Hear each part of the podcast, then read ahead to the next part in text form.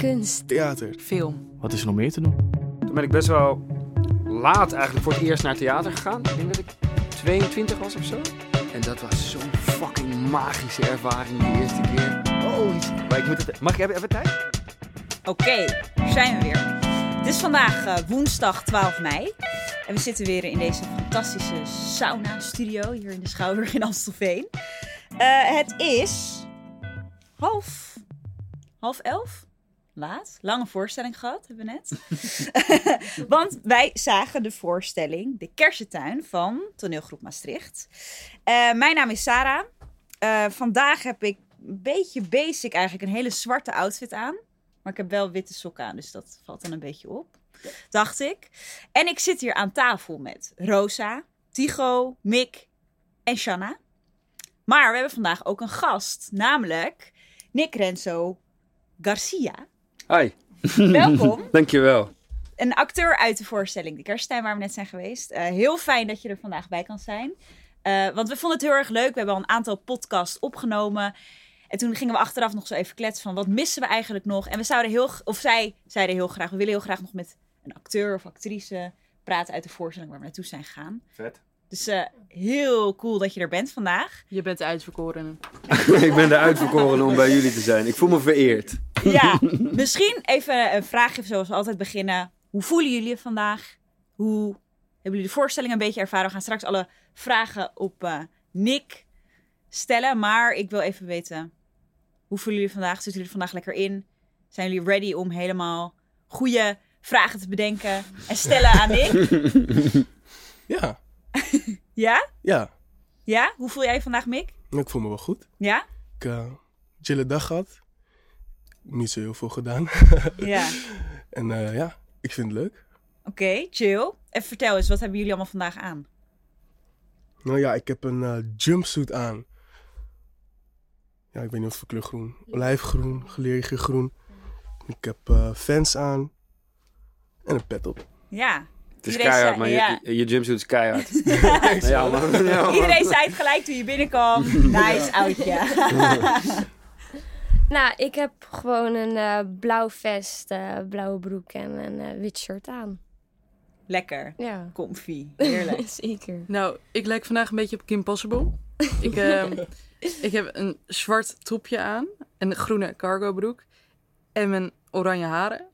Dus Kim Possible in de house. Voor de jongere mensen die niet weten wie Kim Possible is, dat was een icon in de cartoons vroeger. Of nog steeds? Ik denk het wel. Kim, als je, bij Kim Possible, als je, de naam, als je de K weghaalt, dan staat er Impossible. En haar beste vriend heet Ron Stoppable. En als je daar de R weghaalt, ook de eerste letter, dan zegt dat Unstoppable. Impossible en Unstoppable. Zo. Dit is belangrijke kennis. Dit is shit die je moet weten. Dit is belangrijk. Echt niet. Nee. Maar goed, Kim Possible dus. ik had een beetje crush op Kim Possible vroeger. Ja? Oh, Ja, dus Nou, perfect outfit uitgekozen voor vandaag. Ik eh, eh, heb eh, lichtblauwe broek. Ook fans aan. Ja, niet zo nieuw als die van jou, maar ook fans aan. Eh, eh, donkerblauw shirt. Dus een, eh, ik voel me goed. Goed zo, fijn. En ik, eh, ik, heb, eh, ik ben eigenlijk ook helemaal in het zwart. Ik, nee, en ik heb geen witte sokken. Ik ben eigenlijk echt helemaal in het zwart. Eh, want ik ben heel rauwig. Nee, is helemaal niet waar. ik heb geen zin om hier te... Nee, nee, ook niet. Nee, nee, nee. nee, nee, nee, helemaal niet. Helemaal niet, helemaal niet. Nee, eh, ja, ik dacht simpel. En ik had ook een beetje haast. Dus ik heb gewoon eigenlijk het eerste gepakt wat boven op de stapel lag. Snap ik. Snap ik. Met de kleding kan je niet meer fout gaan. Oh, precies, precies. precies. Oké, laat ik even een korte introductie. We hebben het al net een beetje erover gehad. Maar eh, het stuk is geschreven door Tsjechov. Sommigen kennen dat al, sommigen niet. Anton was verwarrend. Hele, toch? Wat zei je daarover, Tigo? Ja, Tsjechov, Tsjechov, die naam zelf kende ik wel. Maar dat je zei, ja, ene Anton Tsjechov. Geen idee. ene Anton, geen idee wie het was. Nee. Maar eh Anton. ene Anton, geen idee. Nee, oké. Nou ja, hij dus. En het werd eh, in 1905 voor het eerst opgevoerd. En het wordt eigenlijk vaak omschreven als een komedie. En ik was wel benieuwd of jullie je daar een beetje in kunnen herkennen. Hebben jullie gelachen vanavond? Zeker. Ja, zeker. Ja? Zeker, ja. Ja, noem eens een moment. Kan je nog een moment herinneren? Nee, dat slijt me dood. Nee. maar ik vond het wel leuk. Ik vond het leuk dat ze wel die humor erin hebben gemixt. Want het was... Persoonlijk, ik vond het wel even een, een heftig verhaal, maar ik vond het wel leuk dat ze toch nog grappige momenten erin konden stoppen. Nice. Jullie ook allemaal? Jullie schudden allemaal heel hard ja. Ja, zeker. Ja, ik eh, vond het vooral grappig dat eh, eh, die uitspraken van de wat oudere meneer die op de gitaar speelde, Ja. die, eh, die met uitspraken kwam wat soms onverstaanbaar was, maar soms ook wel recht diep eh, in het hart eh, was. En dat eh, vond ik mooi. Maar ook wel grappig. Ja. Jij, Rosa? Ja, ik kan me daar heel goed bij aansluiten. Ik vond het ook heel mooi dat muziek afgemixt wordt met eh, spel.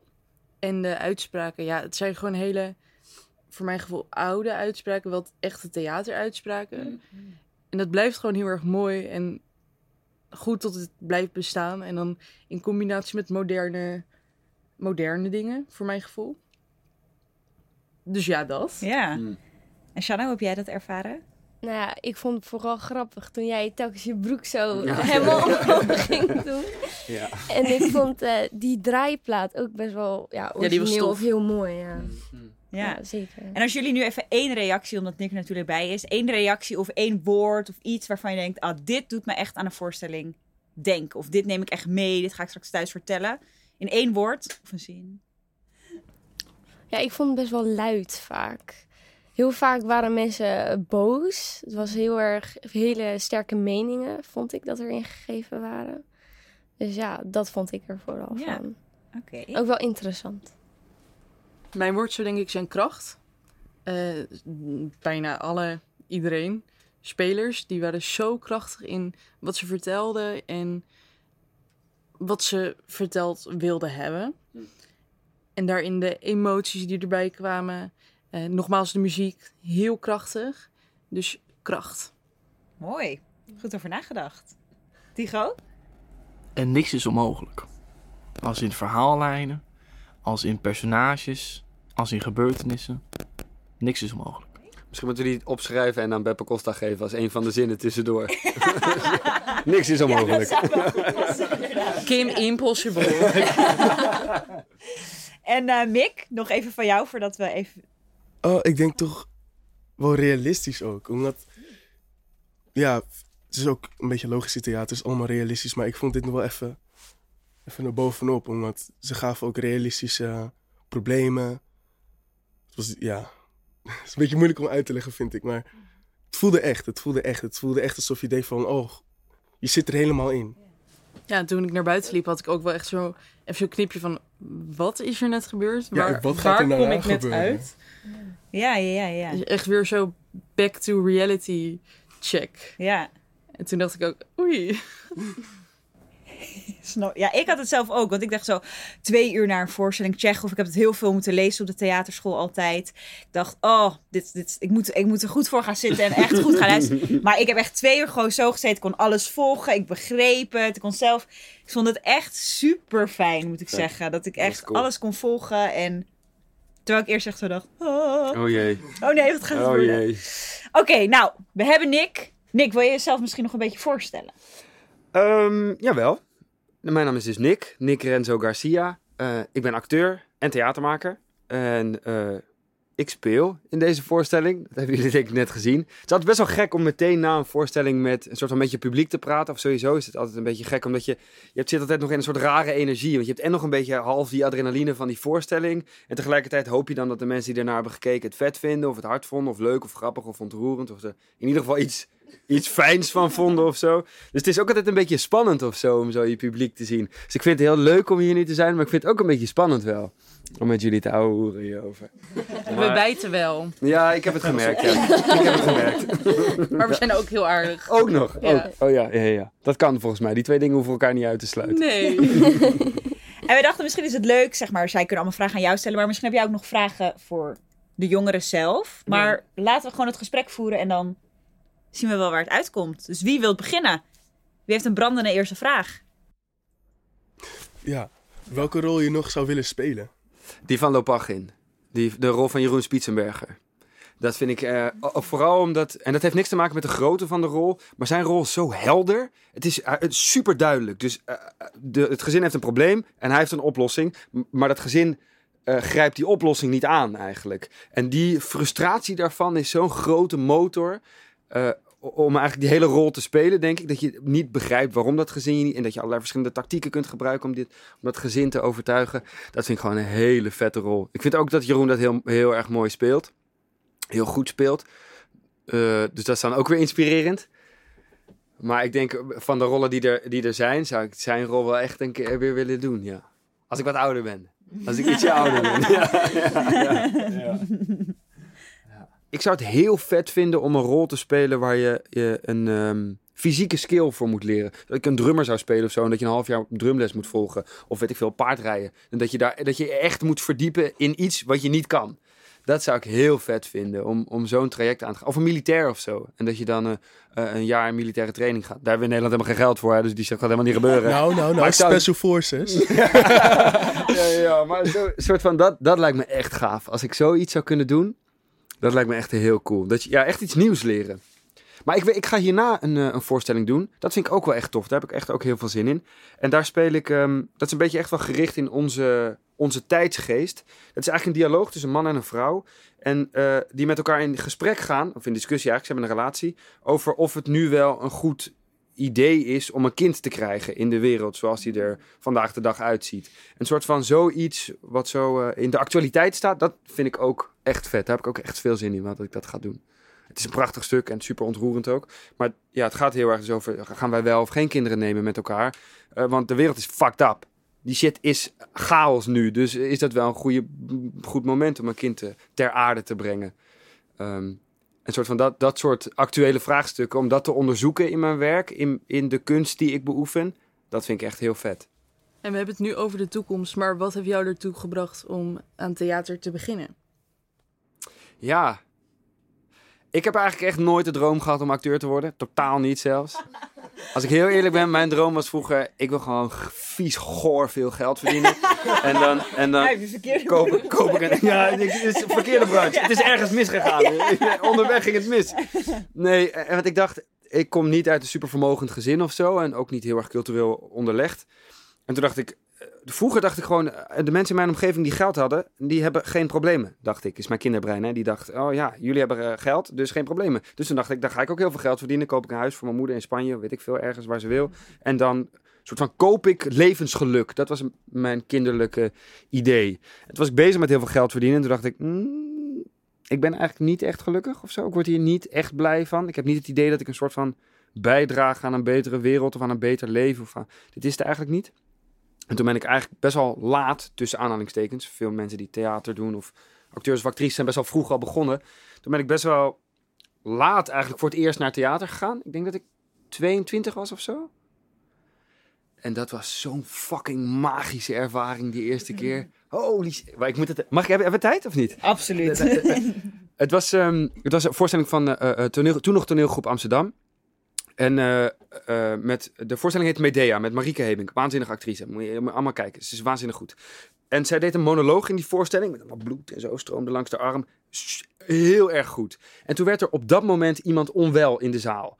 Ik ben nog nooit naar theater geweest. Hè. Ik dacht, hé, hey, vet ouwe, dit hoort erbij. Iemand roept, help, is er een dokter in de zaal? Ik denk, hé, hey, hard. Dus ik kijk om. Er werd, werd iemand ziek, viel iemand om en zo. Ik dacht, hé, hey, vet, die shit hoort er gewoon bij. Interactief of zo, weet ik veel. Nog nooit naar theater geweest.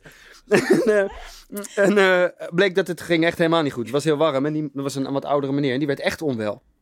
Een soort van iedereen in paniek. En toen kwam er iemand van de productie op en de cast ging af en eh, chaos, chaos. Nou, dat- dat, we bleven wel mee in de zaal zitten. Die duurde denk ik nou een kwartiertje of zo. En toen kwam er dus weer iemand van de productie op. En die zei, oké, nou, het gaat goed met de man. Ambulancebroeders waren binnengekomen. En ehm, we gaan de voorstelling voortzetten. En toen kwam Marieke Hebink weer op. En ze ging weer staan in een beetje dezelfde houding als waarin ze stond voor die monoloog. En toen keek ze heel even de zaal in zo. En toen zei ze, ik pak hem even één zin terug. Een soort van, de hele magie van dat theater was heel even doorbroken. Zei, ik pak hem even één zin terug. En iedereen in de zaal was een beetje zo, "Oh, ja, ja, ja, doe maar of zo, weet ik veel.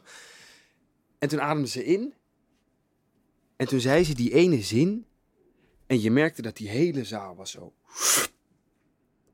Zo er weer bij, bij dat moment. En toen dacht ik, holy shit, jongen. Ik kom uit een gezin, bij- ons werd er niet naar je geluisterd als je een soort van slimme shit zei. Bij ons werd er gewoon naar je geluisterd als je hard, als je hard en luid sprak of zo. En zij deed zoiets kleins, zoiets bijzonders, vond ik op dat moment. En ze kregen het dus voor elkaar door zo goed te zijn in haar vak, dat heel die zaal in één keer naar haar luisterde. En toen dacht ik, dat moet ik ook leren, jongen. Dat wil ik ook kunnen. Dat je zoiets kan doen dat iedereen naar je luistert. Want kennelijk denk ik dat ik ergens intern een soort van voelde, oh, ik wil ook graag dat mensen naar me luisteren of zo, denk ik. Ik weet niet precies wat de psychologie erachter is, maar zoiets denk ik. En eh, ja, toen dacht ik, hey, ik moet hier naartoe, man. Ik moet naar, eh, wat moet ik doen? Hoe kom ik hier? Hoe kom ik daar? Hoe kom ik... eh?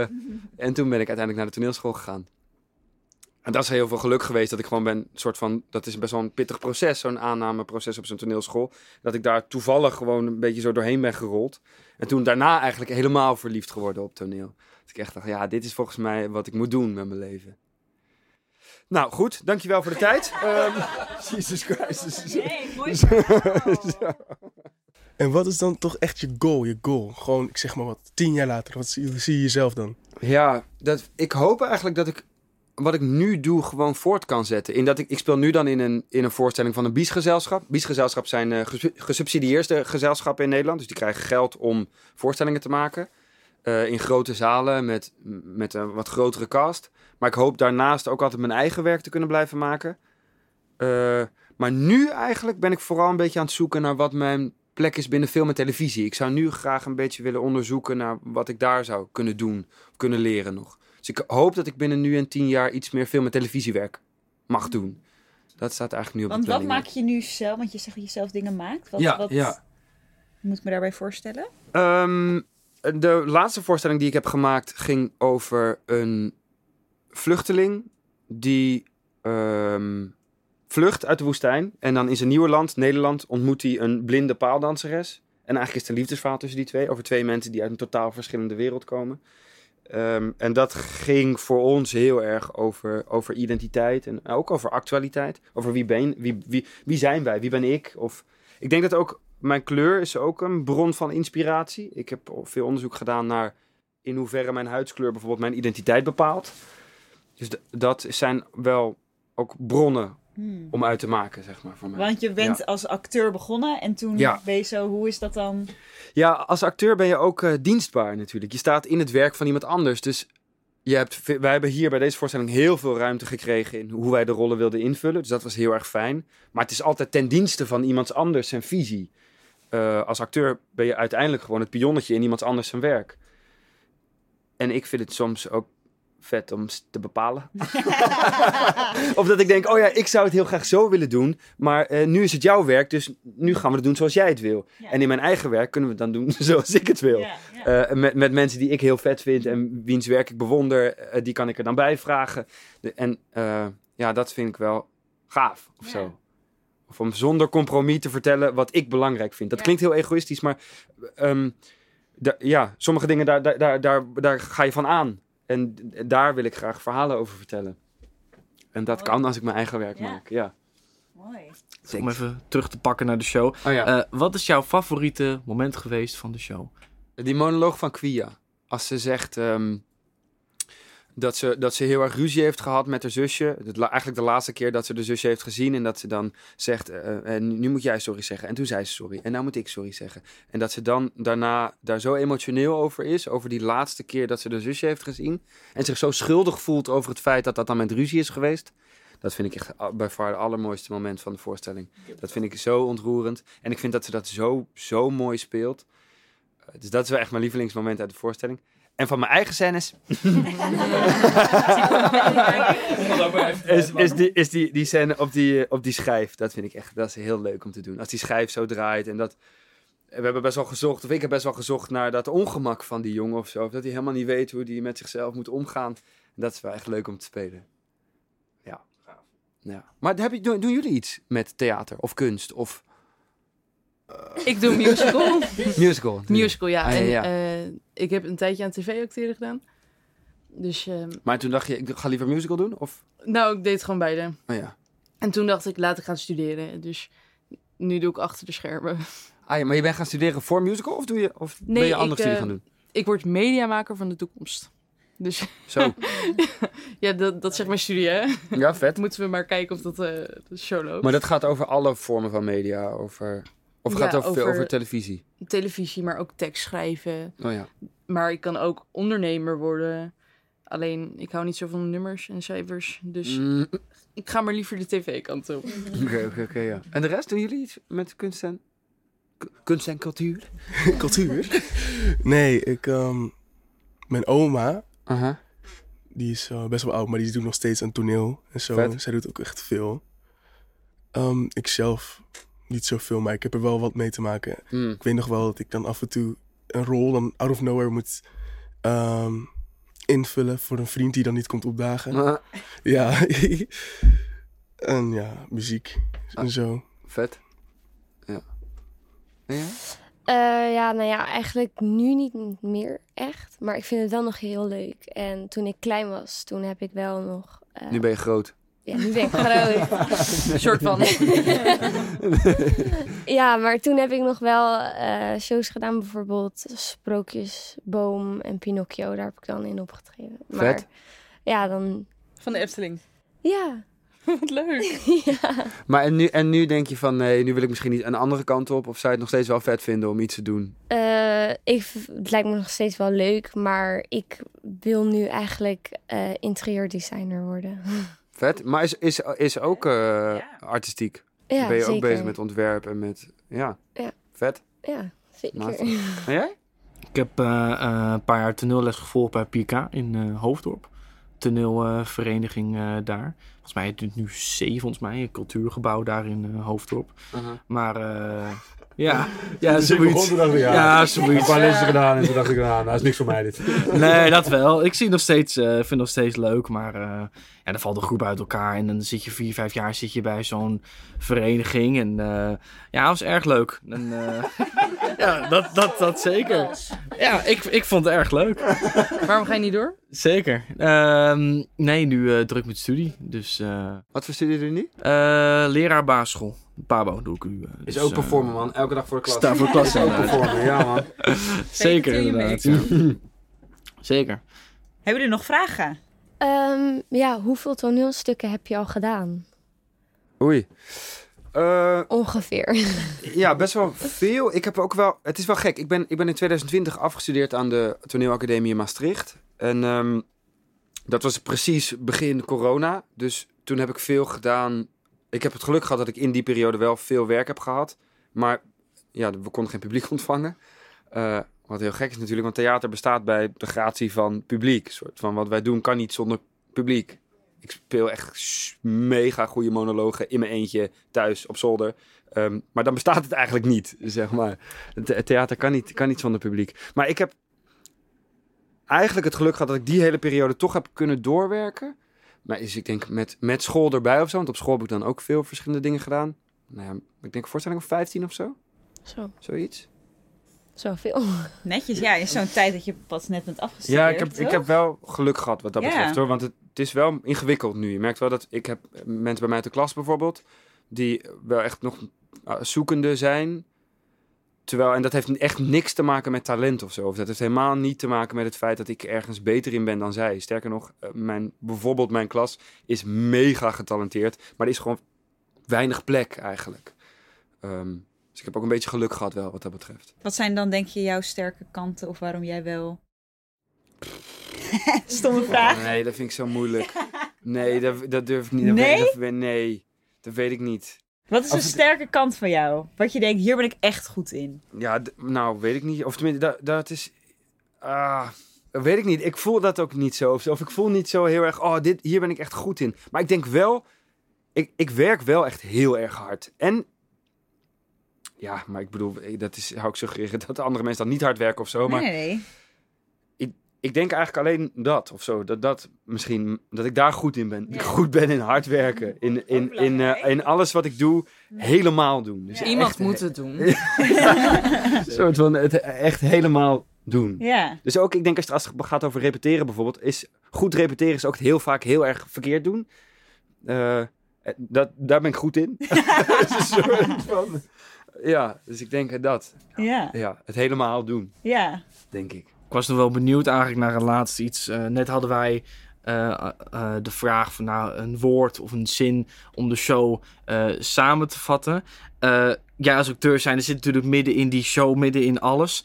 Hoe zou jij jouw show, jouw hele gebeuren, iedereen erbij, omvatten in een paar woorden of één woord? Of... Je zou iets moeten doen met journalistiek. Je bent hier erg goed in, man. Ik zeg, zo, hoe, je zo, hoe, je zo, hoe je zo terugkoppelt naar iets wat we eerder hebben besproken. Nee, ik ben serieus, man. Als je, als je nog je. een switch wil maken... Maar nee, trouwens, dat zeg ik net alsof je, wat je nu doet niet goed is. Dat bedoel ik helemaal niet. Maar, maar, ehm, Maar, ik ben, nou, maar ik ben gewoon benieuwd. Eén woord, één woord, één woord. Ja, één ja. woord of een zin of iets waarvan je denkt Oh, van, als afsluiting van... Ah, weet je, dit is me ook gevraagd toen we van die marketingfilmpjes maakten voor de voorstelling. Toen heb ik ook iets gezegd, maar nou ben ik het vergeten. Oh nee. Eén woord, maar ik kan het opnieuw doen. Ehm, liefde. Oh, dat is zo zoetsappig. Oh, jakkes, jakkes, jakkes. Maar wel mooi. Oh, jakkes, jakkes. Maar, wel op heel zich, mooi. maar op zich wel. Want ik denk, als ik bijvoorbeeld kijk naar mijn personage, die wil dat heel graag, maar heeft er ook heel veel moeite mee. En liefde gaat ook over een ouder-kindrelatie, wat eh, centraal staat in de voorstelling. Over eh, een veranderende wereld. I- iedereen's wereld eh, verandert als er iemand verliest. Het gaat ook over, over eh, liefde. Ik denk wel echt dat, dat liefde een heel groot thema is binnen de voorstelling. Dus zonder daar te zoetsappig over te zijn, eh, denk ik wel dat dat misschien toch wel het woord is met waar ik dan mee zou willen afsluiten. Toch wel. Liefde Ik Ja. heb toch nog één vraag. Hoe, Ja. ben, je, hoe ben je in dit toneel terechtgekomen? Deze, deze... Eh, Ik heb auditie gedaan. Ik ben, ik ben gevraagd om auditie te doen. Dus, dus eh, de regisseur Michel Sluismans, die wilde dit stuk maken. En daar heeft hij dan een x-aantal acteurs voor gevraagd.